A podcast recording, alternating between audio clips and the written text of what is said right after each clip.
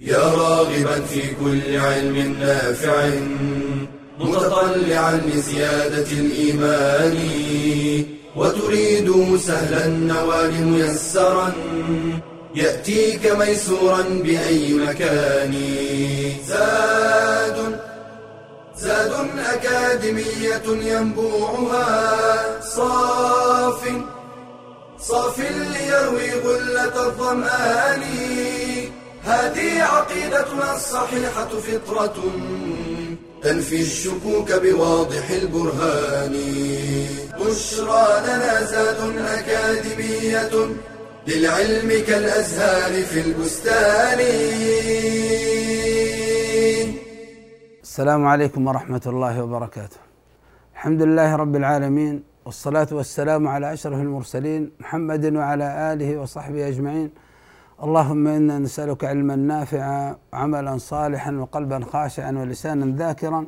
اللهم علمنا ما ينفعنا وانفعنا بما علمتنا واجعله حجة لنا ولا تجعله حجة علينا يا رب العالمين. أيها الأحبة في الله باب الأسماء والصفات. آه هذا الباب هو المعرف بالله سبحانه وتعالى. نعرف ربنا جل جلاله. من هو الله سبحانه وتعالى الذي نعبده؟ الذي يعرف بذلك هو هذا الباب باب الأسماء والصفات. ولذلك باب الأسماء والصفات من ألذ الأبواب في في في أبواب العقيدة. عندما يتعلم الإنسان أن الله سبحانه وتعالى سميع بصير عليم قدير لطيف خبير سلام مؤمن مهيمن عزيز جبار متكبر عندما يعرف الإنسان ربه جل جلاله يزداد إيمانه. تزداد عبوديته لله يزداد خوفه من الله يزداد تعظيمه لله يزداد حبه لله وهكذا. لكن دخول الفرق الكلامية التي تحدثنا نبذة موجزة عنها في الحلقة الماضية واليوم سنعرف بالجهمية والمعتزلة على وجه التفصيل دخول هذه الفرق في باب الأسماء والصفات جعل أن كثير من الناس ينفرون من تعلم باب الأسماء والصفات خوفا من الضلال مع أنه باب الأسماء والصفات هو المعرف بالله سبحانه وتعالى وهو الدافع لتعظيم الله لكن هؤلاء جعلوا باب الأسماء والصفات من أخطر الأبواب التي يتعلمها الإنسان. أريد أن أخبركم بشيء. هؤلاء الذين ظلوا في باب الأسماء والصفات من الجعد بن درهم جهم بن صفوان وغيرهم الأصل في ضلالهم الأصل في ضلالهم وسوسة. إنسان موسوس فأتى بكلام يعتبر هو من باب الوسوسة. لو كان هناك يعني شخص قرأ عليه أو إنسان بدأ يجلس معه جلسات نفسية لذهب ما به. لأن هذه أمور أصلا ما يقولها إلا موسوس مريض مريض نفسي. على سبيل المثال الجعد بن درهم. الجعد بن درهم هو الذي أسس علم الكلام وهو المؤسس الحقيقي لفرقة الجهمية. وإنما نسبت الجهمية للجهم بن صفوان رغم أنه ليس هو المؤسس المؤسس هو الجعد بن درهم. لكن نسبت الجهم بن صفوان لأنه هو الذي أظهرها وأشهرها.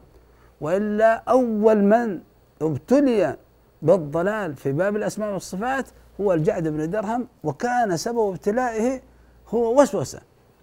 لكنه ما رفض المعالجة لوسوسته رفض أن يعالج. واعتبر الوسوسة والمرض النفسي الذي وقع فيه اعتبره هو اليقين الذي يمكن أن يقتل ويضحى بحياته من أجل ذلك. كيف ذلك؟ آه، بدأ يقرأ في كتاب الله. وكلم الله موسى تكليما.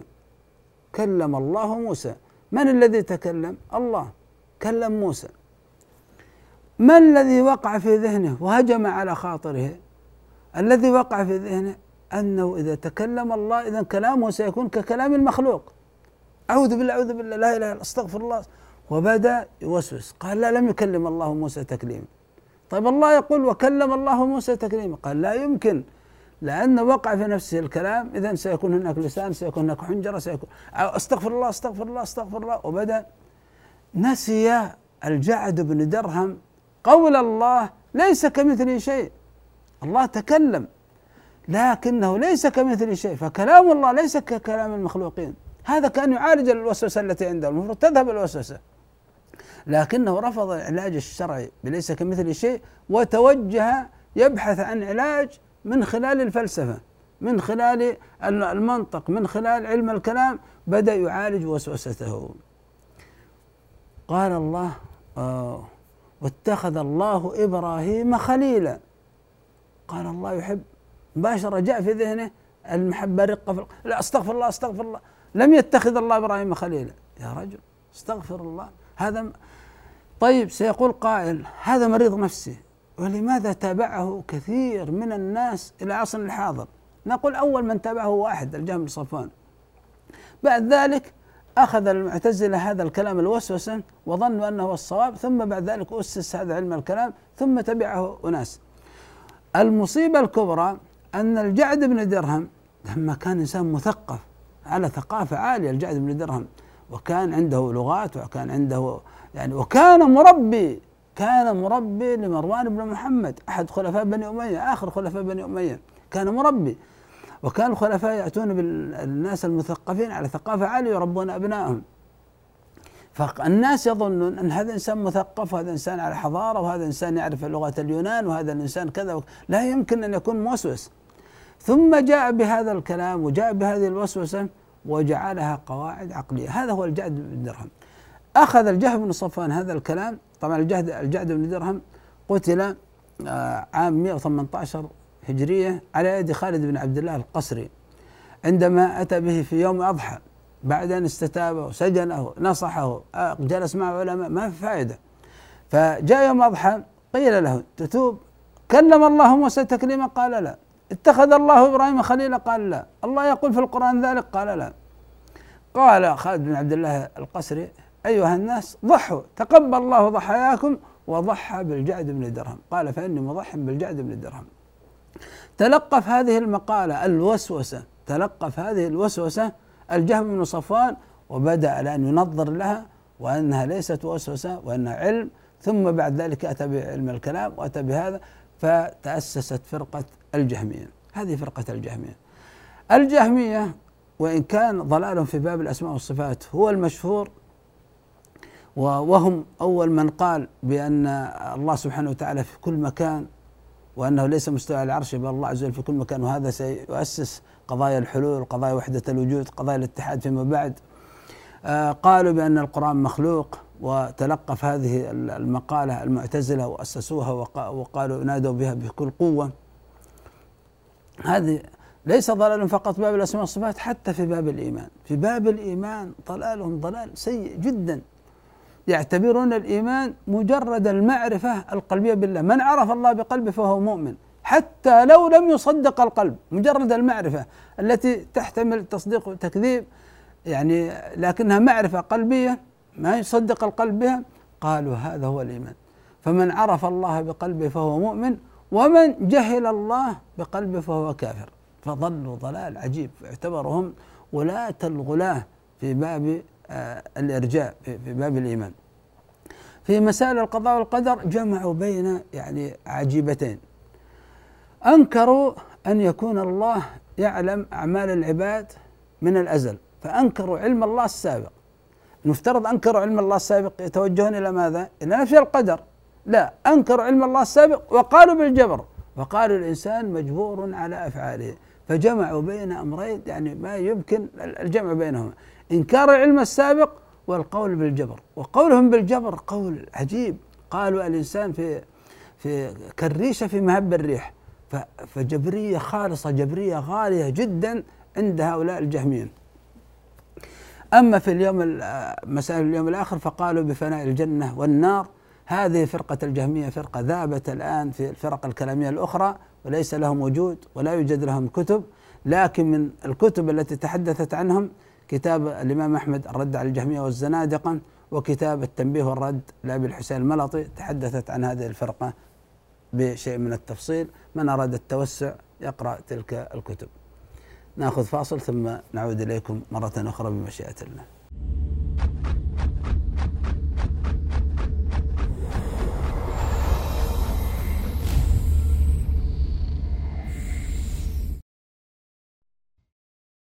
فارق كبير بين من يسافر لنزهة سياحية أو لمشاهدة مباراة وبين من يسافر لطلب العلم.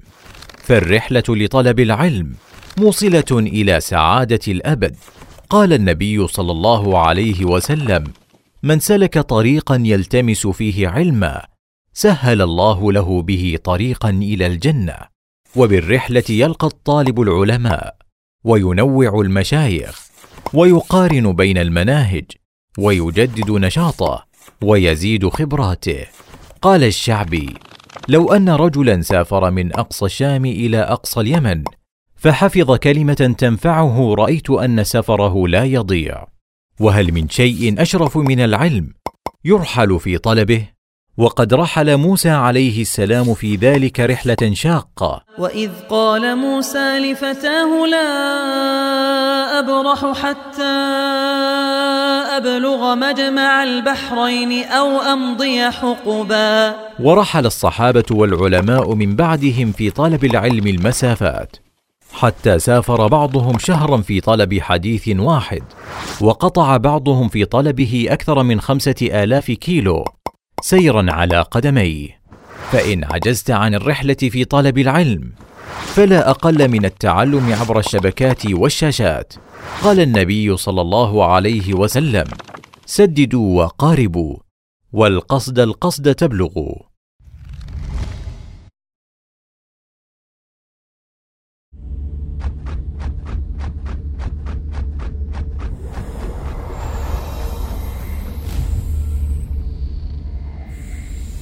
حياكم الله أيها الأحبة في الله. آه انتهينا من فرقة الجهمية واندثرت لكن اندثرت كس كسم لكن أفكارها تلقفتها فرقة المعتزلة. ما معنى المعتزلة؟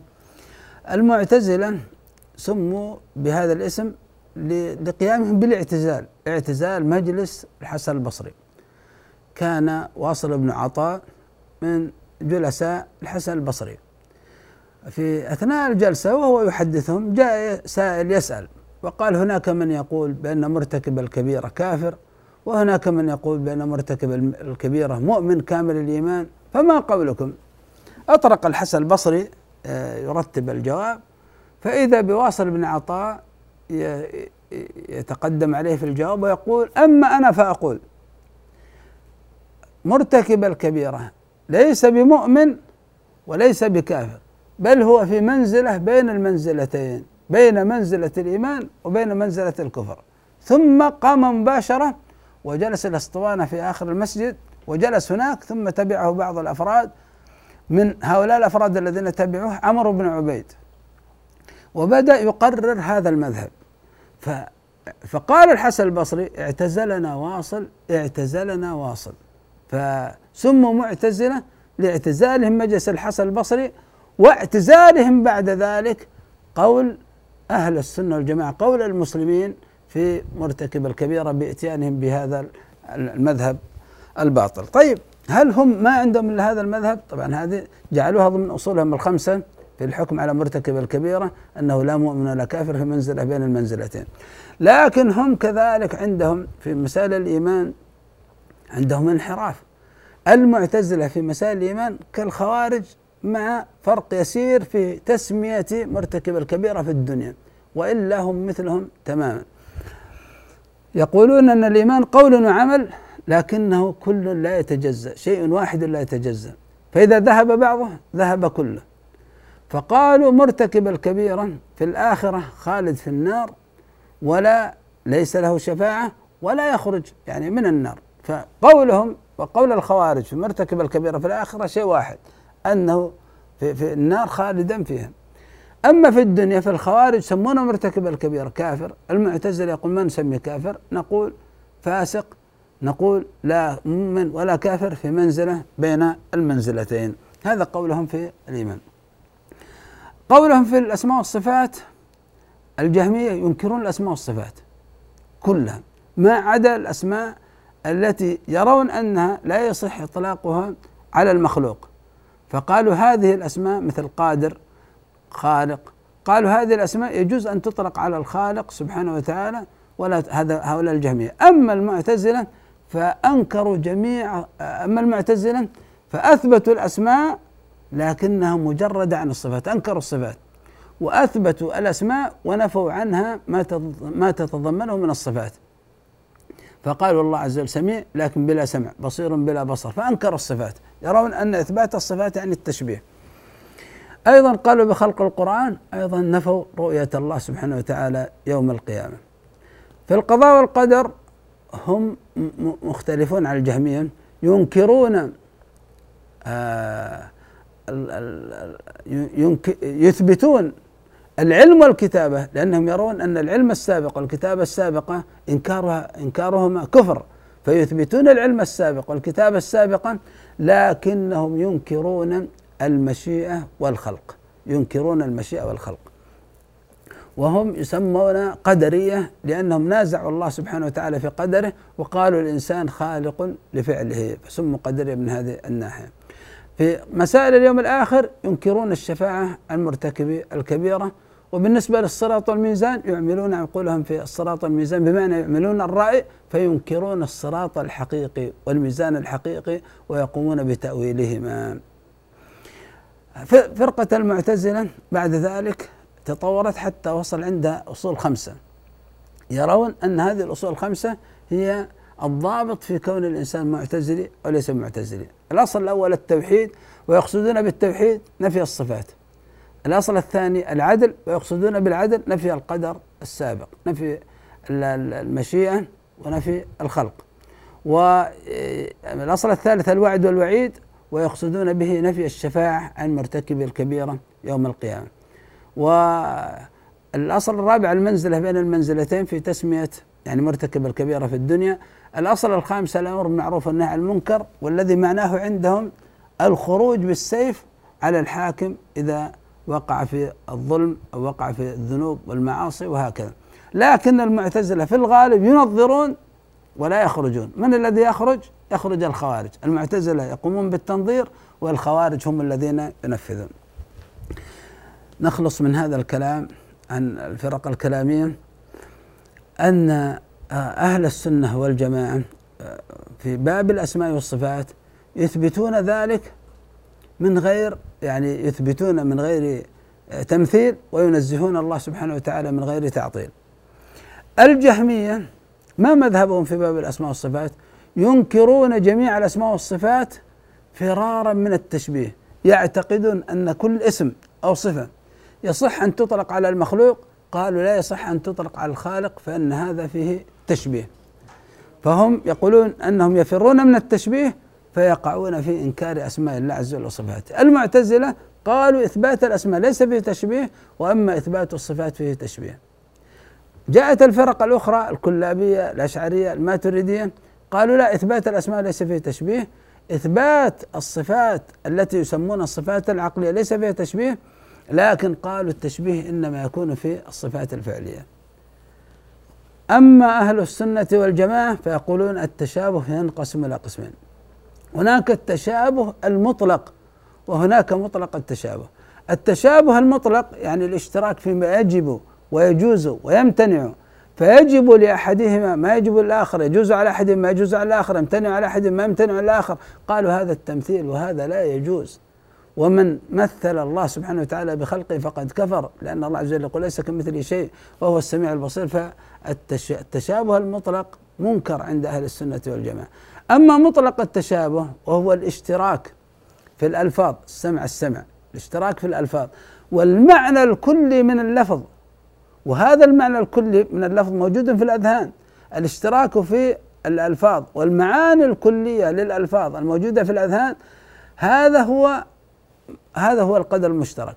أما عند التقييد والإضافة والتخصيص فلا اشتراك البتة. فإذا قيل سمع الله وسمع فسمع الله يليق بالله لا يماثل سمع المخلوق. وسمع المخلوق يليق بالمخلوق لا يماثل سمع الله. فعند الإضافة والتقييد والتخصيص كل لكل منهما ما يخصه وما يليق بذاته.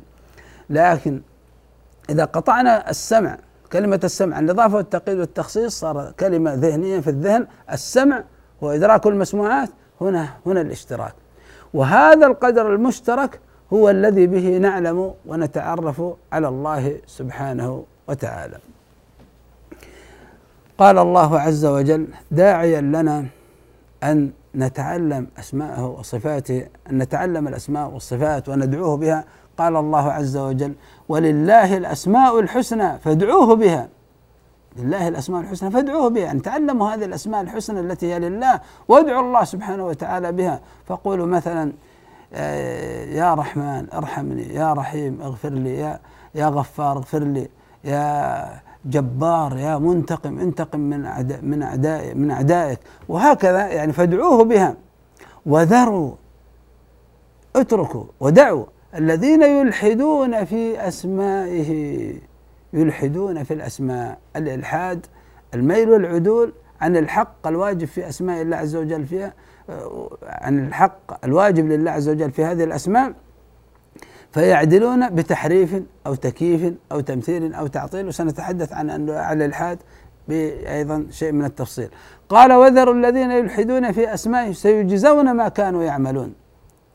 وقال الله عز وجل قل ادعوا الله أو ادعوا الرحمن أيا ما تدعو فله الأسماء الحسنى. فأثبت الله سبحانه وتعالى لنفسه الأسماء الحسنى ودعانا لتعلمها وأن ندعوه بها وأن نتعبد لله سبحانه وتعالى بمعرفتها. ناخذ فاصل ثم نعود إليكم بمشيئة الله.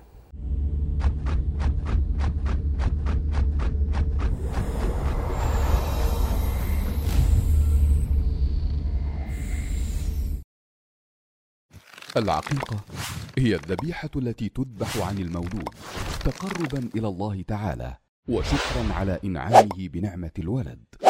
وجمهور أهل العلم على أنها سنة مؤكدة وهي كما قال صلى الله عليه وسلم عن الغلام شاتان وعن الجارية شاه ويشترط في سنها ما يشترط في الأضحية بالضأن والمعز فالضأن ما أتم ستة أشهر فأكثر والمعز ما أتم سنة فأكثر ولا يباع لحمها ولا جلدها ولا شيء منها.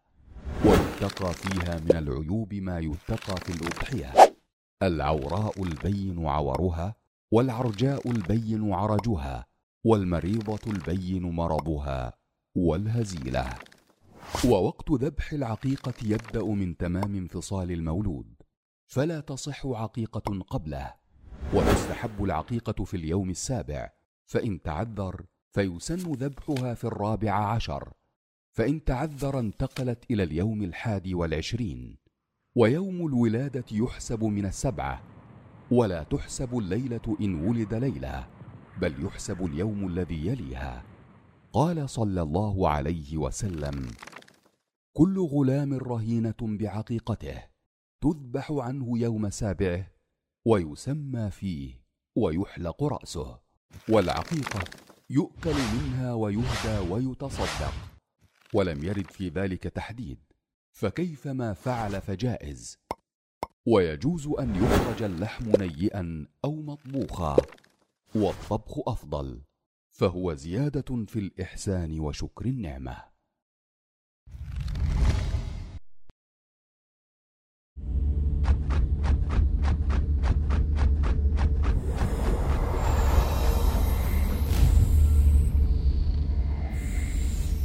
حياكم الله أيها الأحبة. الأدلة كثيرة جدا التي فيها يعني حث لنا على تعلم أسماء الله سبحانه وتعالى الحسنى وأن ندعوه بها. ومن تلك الأدلة أيضا التي فيها أن نعلم أن أسماء الله سبحانه وتعالى ليس له فيها مثيل. قال الله عز وجل رب السماوات والأرض وما بينهما. رب السماوات هذا الربوبية. رب السماوات والأرض وما بينهما. فاعبده هذا الألوهية. واصطبر لعبادته. هل تعلم له سميع؟ هذا توحيد الأسماء والصفات. يعني الله عز وجل ليس له سميع في أسمائه وصفاته ليس له مناظر ليس له نظير ولا مثيل. أيضا رسولنا صلى الله عليه وسلم يحثنا على تعلم أسماء الله الحسنى.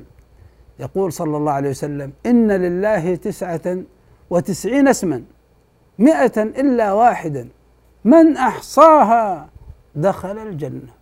متفق عليه. من أحصاها؟ يعني من تعلم هذه الأسماء وعرف معانيها وتعبد لله بمقتضاها هذا دخل الجنة. اذا اذا هذا الباب باب عظيم باب الأسماء والصفات باب يلج فيه منه الإنسان إلى جنة الله سبحانه وتعالى وإلى معرفة الله. أيضا علمنا النبي صلى الله عليه وسلم هذا الدعاء العجيب الذي فيه إثبات أسماء لله عز وجل وصفات قال صلى الله عليه وسلم ما قال عبد قط إذا أصابه هم وحزن. اللهم إني عبدك وابن عبدك وابن أمتك ناصيتي بيدك ماض في حكمك عدل في قضاؤك. أسألك بكل اسم هو لك. سميت به نفسك. أو أنزلته في كتابك. أو علمت واحدا من خلقك. أو استأثرت به في علم الغيب عندك. أن تجعل القرآن ربيع قلبي ونور صدري وجلاء حزني وذهاب همي. إلا أذهب الله عز وجل همه وأبدله مكان حزنه فرحا. هذا الحديث العظيم يحتاج إلى شرح وإلى يعني كلام طويل فيه ولعله يكون في مناسبة أخرى بإذن الله نعيد الكلام عنه الذي يهمنا في هذا المكان أنه قال اللهم إني أسألك بكل اسم هو لك. سميت به نفسك. يعني كل اسم سميت به نفسك سواء كان هذا الاسم أنزلته في كتابك أو علمته أحدا من خلقك أو استأثرت به. إذا أنت لك الأسماء. هذه الأسماء بعضها علمتنا إياها في القرآن وبعضها جعلتها يعني استأثرت به في علم الغيب عندك فلله عز وجل أسماء كثيرة منها 99 اسما حتى الذي في الكتاب والسنة أكثر من 99 اسم. لكن ضمن هذه الأسماء ال 99 اسم إذا أتى الإنسان بها ظل يتعلم ذلك فوفق لل 99 اسم هذه كان سببا لدخوله الجنة. من الأسماء التي لله سبحانه وتعالى ثابتة الأول والآخر والظاهر والباطن. قال صلى الله عليه وسلم اللهم أنت الأول فليس قبلك شيء وأنت الآخر فليس بعدك شيء وأنت الظاهر فليس فوقك شيء وأنت الباطن فليس دونك شيء. ينبغي للإنسان أن يحذر في باب الأسماء من الإلحاد في هذا الباب. ما معنى الإلحاد في أسماء الله؟ دائما تحدثنا عن هذا لكن لا بأس من تكراره حتى تثبت. الإلحاد في اللغة هو الميل والعدول. سمي اللحد لحدا لأن الإنسان يميل عن أصل الحفرة فيذهب تجاه اليمين أو تجاه اليسار. آه ومنه قوله تعالى لسان الذي يلحدون إليه. أعجمين وهذا لسان عربي مبين. الإلحاد في الأسماء والصفات هو الميل بالأسماء عما يجب اعتقاده فيها.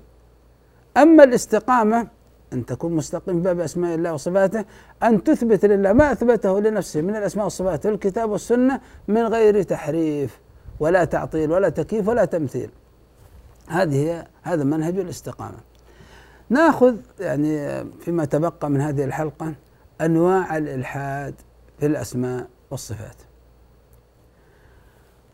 النوع الأول من أنواع الإلحاد إنكار شيء من الأسماء أو مما دلت عليه من الصفات. إنكار شيء من الأسماء الجهمية أنكروا جميع الأسماء. أو ما دلت عليه من الصفات كإنكار المعتزلة ذلك. وهذا يعني قد سبقهم في ذلك أهل الجاهلية. قيل لهم يعني قال وما الرحمن؟ ينكرون اسم الله سبحانه وتعالى الرحمن. أو أو المعتزلة يثبتون الأسماء لكن ينكرون ما تتضمنه من الصفات. فيقولون أن الله رحيم بلا رحمة سميع بلا سمع بصير بلا بصر وهكذا. هذا نوع من أنواع الإلحاد. النوع الأول إنكار شيء من أسماء الله أو إنكار ما تتضمنه تلك الأسماء من الصفات. النوع الثاني من أنواع الإلحاد في الأسماء أن يسمى الله سبحانه وتعالى بما لم يسمي به نفسه. باب الأسماء عندنا باب توقيفي. لا نسمي الله سبحانه وتعالى إلا باسم ثبت له في الكتاب والسنة. فلا يجوز للإنسان يأتي فيسمي الله سبحانه وتعالى بأسماء ليست في الكتاب والسنة. مثلا يأتي النصارى يسمون الله الأب. يأتي مثلا الفلاسفة يسمون الله العلة الفاعلة. آه، فيسمون الله سبحانه وتعالى بما لم يسمي به نفسه. فهذا نوع من أنواع الإلحاد. أيضا يعني من أنواع الإلحاد أن يعتقد أن تلك الأسماء دالة على أوصاف المخلوقين فيجعلها دالة على التمثيل. يعني ما سمى الله سبحانه وتعالى به نفسه من الأسماء يعتقد أن تلك الأسماء مماثلة لأسماء المخلوقين وأنها مثل أسماء المخلوقين. هذا إلحاد إلحاد في ذلك. من اعتقد أن أسماء الله سبحانه وتعالى دالة على تمثيل الله بخلقه فقد أخرجها عن مدلولها. ومال بها عن الاستقامة وجعل كلام الله وكلام رسوله صلى الله عليه وسلم دالا على الكفر لأن تمثيل الله بخلقه كفر لكون تكذيبا لقوله تعالى ليس كمثل شيء وهو السميع البصير. قال نعيم بن حماد الخزاعي رحمه الله من شبه الله بخلقه فقد كفر ومن جحد ما وصف الله به نفسه فقد كفر وليس فيما وصف الله به نفسه تشبيه. الرابع أن يشتق أسماء للأصنام أو للبشر من أسماء الله تعالى ويقصدون أنها تتضمن تلك المعاني التي أطلقت على الله كاشتقاق اللات اسم اللات للأصنام من الإله واسم العزة من العزيز ومناه من المنان. فهذه أسماء الله سبحانه وتعالى مختصة به لقوله تعالى ولله الأسماء الحسنى فادعوه به فادعوه بها. وقول الله عز وجل الله لا إله إلا هو له الأسماء الحسنى. فكما أن العبادة هي خاصة بالله سبحانه وتعالى فكذلك هذه أسماء الحسنى خاصة به. فتسمية غيره بها على الوجه الذي يختص آه، به الله سبحانه وتعالى ميل بها عما يجب فيها. إذا يمكن أن نقول أن أنواع الإلحاد في الأسماء والصفات نلخصها كالتالي. واحد إنكار شيء من من أسماء الله. اثنين تسمية الله بما لم يسمي به نفسه. ثلاثة اعتقاد أن الأسماء دالة على اعتقاد أن الأسماء دالة على التمثيل. اشتقاق أسماء للأصنام من أسماء الله تعالى. هذا كله نوع من أنواع الإلحاد. الإلحاد أيها الأحبة في الله بجميع أنواعه محرم. لقوله تعالى وذروا الذين يلحدون في أسمائه سيجزون ما كانوا يعملون. وهذه الآية تهديد صريح للذين يلحدون ويميلون في أسماء الله سبحانه وتعالى. نعود ونقول أيها الأحبة في الله أن باب الأسماء والصفات من أعظم أبواب العقيدة. لأن أعظم شيء في عقيدتنا هو أن نعرف الله سبحانه وتعالى أن نعرف ربنا سبحانه وتعالى. وما هو أعظم شيء؟ تعرف به ربك جل جلاله تعرف أسماءه تعرف صفاته. أعجب يا إخوان بعض الطلبة وأجريت هذه التجربة على طلاب ما زالوا في أولى جامعة أول فصل لهم. قلت لهم أريد منكم أن تعرفوني بالله سبحانه وتعالى الذي نحن نعبده المسلمون. من هو هذا الله؟ تعجبت من بطء استجابتهم في التعريف بالله. يعني عندهم ضعف في التعبير عن الله مع أنه يعني يستطيعون أن يعبروا عن الله مباشرة بالثلاث الأمور بربوبيته والوهيته أسمائه وصفاته. ثم أثناء الحوار قلت لهم أريد منكم أن تقربوا لي هذا الإله. هل هو مثل السماء مثل الأرض مثل الشمس مثل القمر؟ يعني وجدت إجابات متأخرة وتباطؤ في الجواب. مع أن الله عز وجل يقول ليس كمثله شيء وهو السميع البصير. فنحتاج أيها الأحبة في الله إلى مدارسة باب الأسماء والصفات لنعرف ربنا سبحانه وتعالى. ومعرفتنا بربنا سبحانه وتعالى هي سبيل لاستقامتنا على العبودية الخالصة لله حبا وخوفا ورجاء. أسأل الله سبحانه وتعالى باسمائه الحسنى وصفاته العلى أن يجعلني وإياكم من المخلصين لله في عبادته. العالمين بالله سبحانه وتعالى العارفين له جل جلاله. وصلى الله وسلم وبارك على عبده ورسوله محمد وجزاكم الله خيرا. يا راغبا في كل علم نافع متطلعا لزيادة الإيمان وتريد سهلا النوال ميسرا يأتيك ميسورا بأي مكان. زاد زاد أكاديمية ينبوعها. صاف صاف ليروي غلة الظمآن. هذه عقيدتنا الصحيحة فطرة تنفي الشكوك بواضح البرهان. بشرى لنا زاد أكاديمية للعلم كالأزهار في البستان.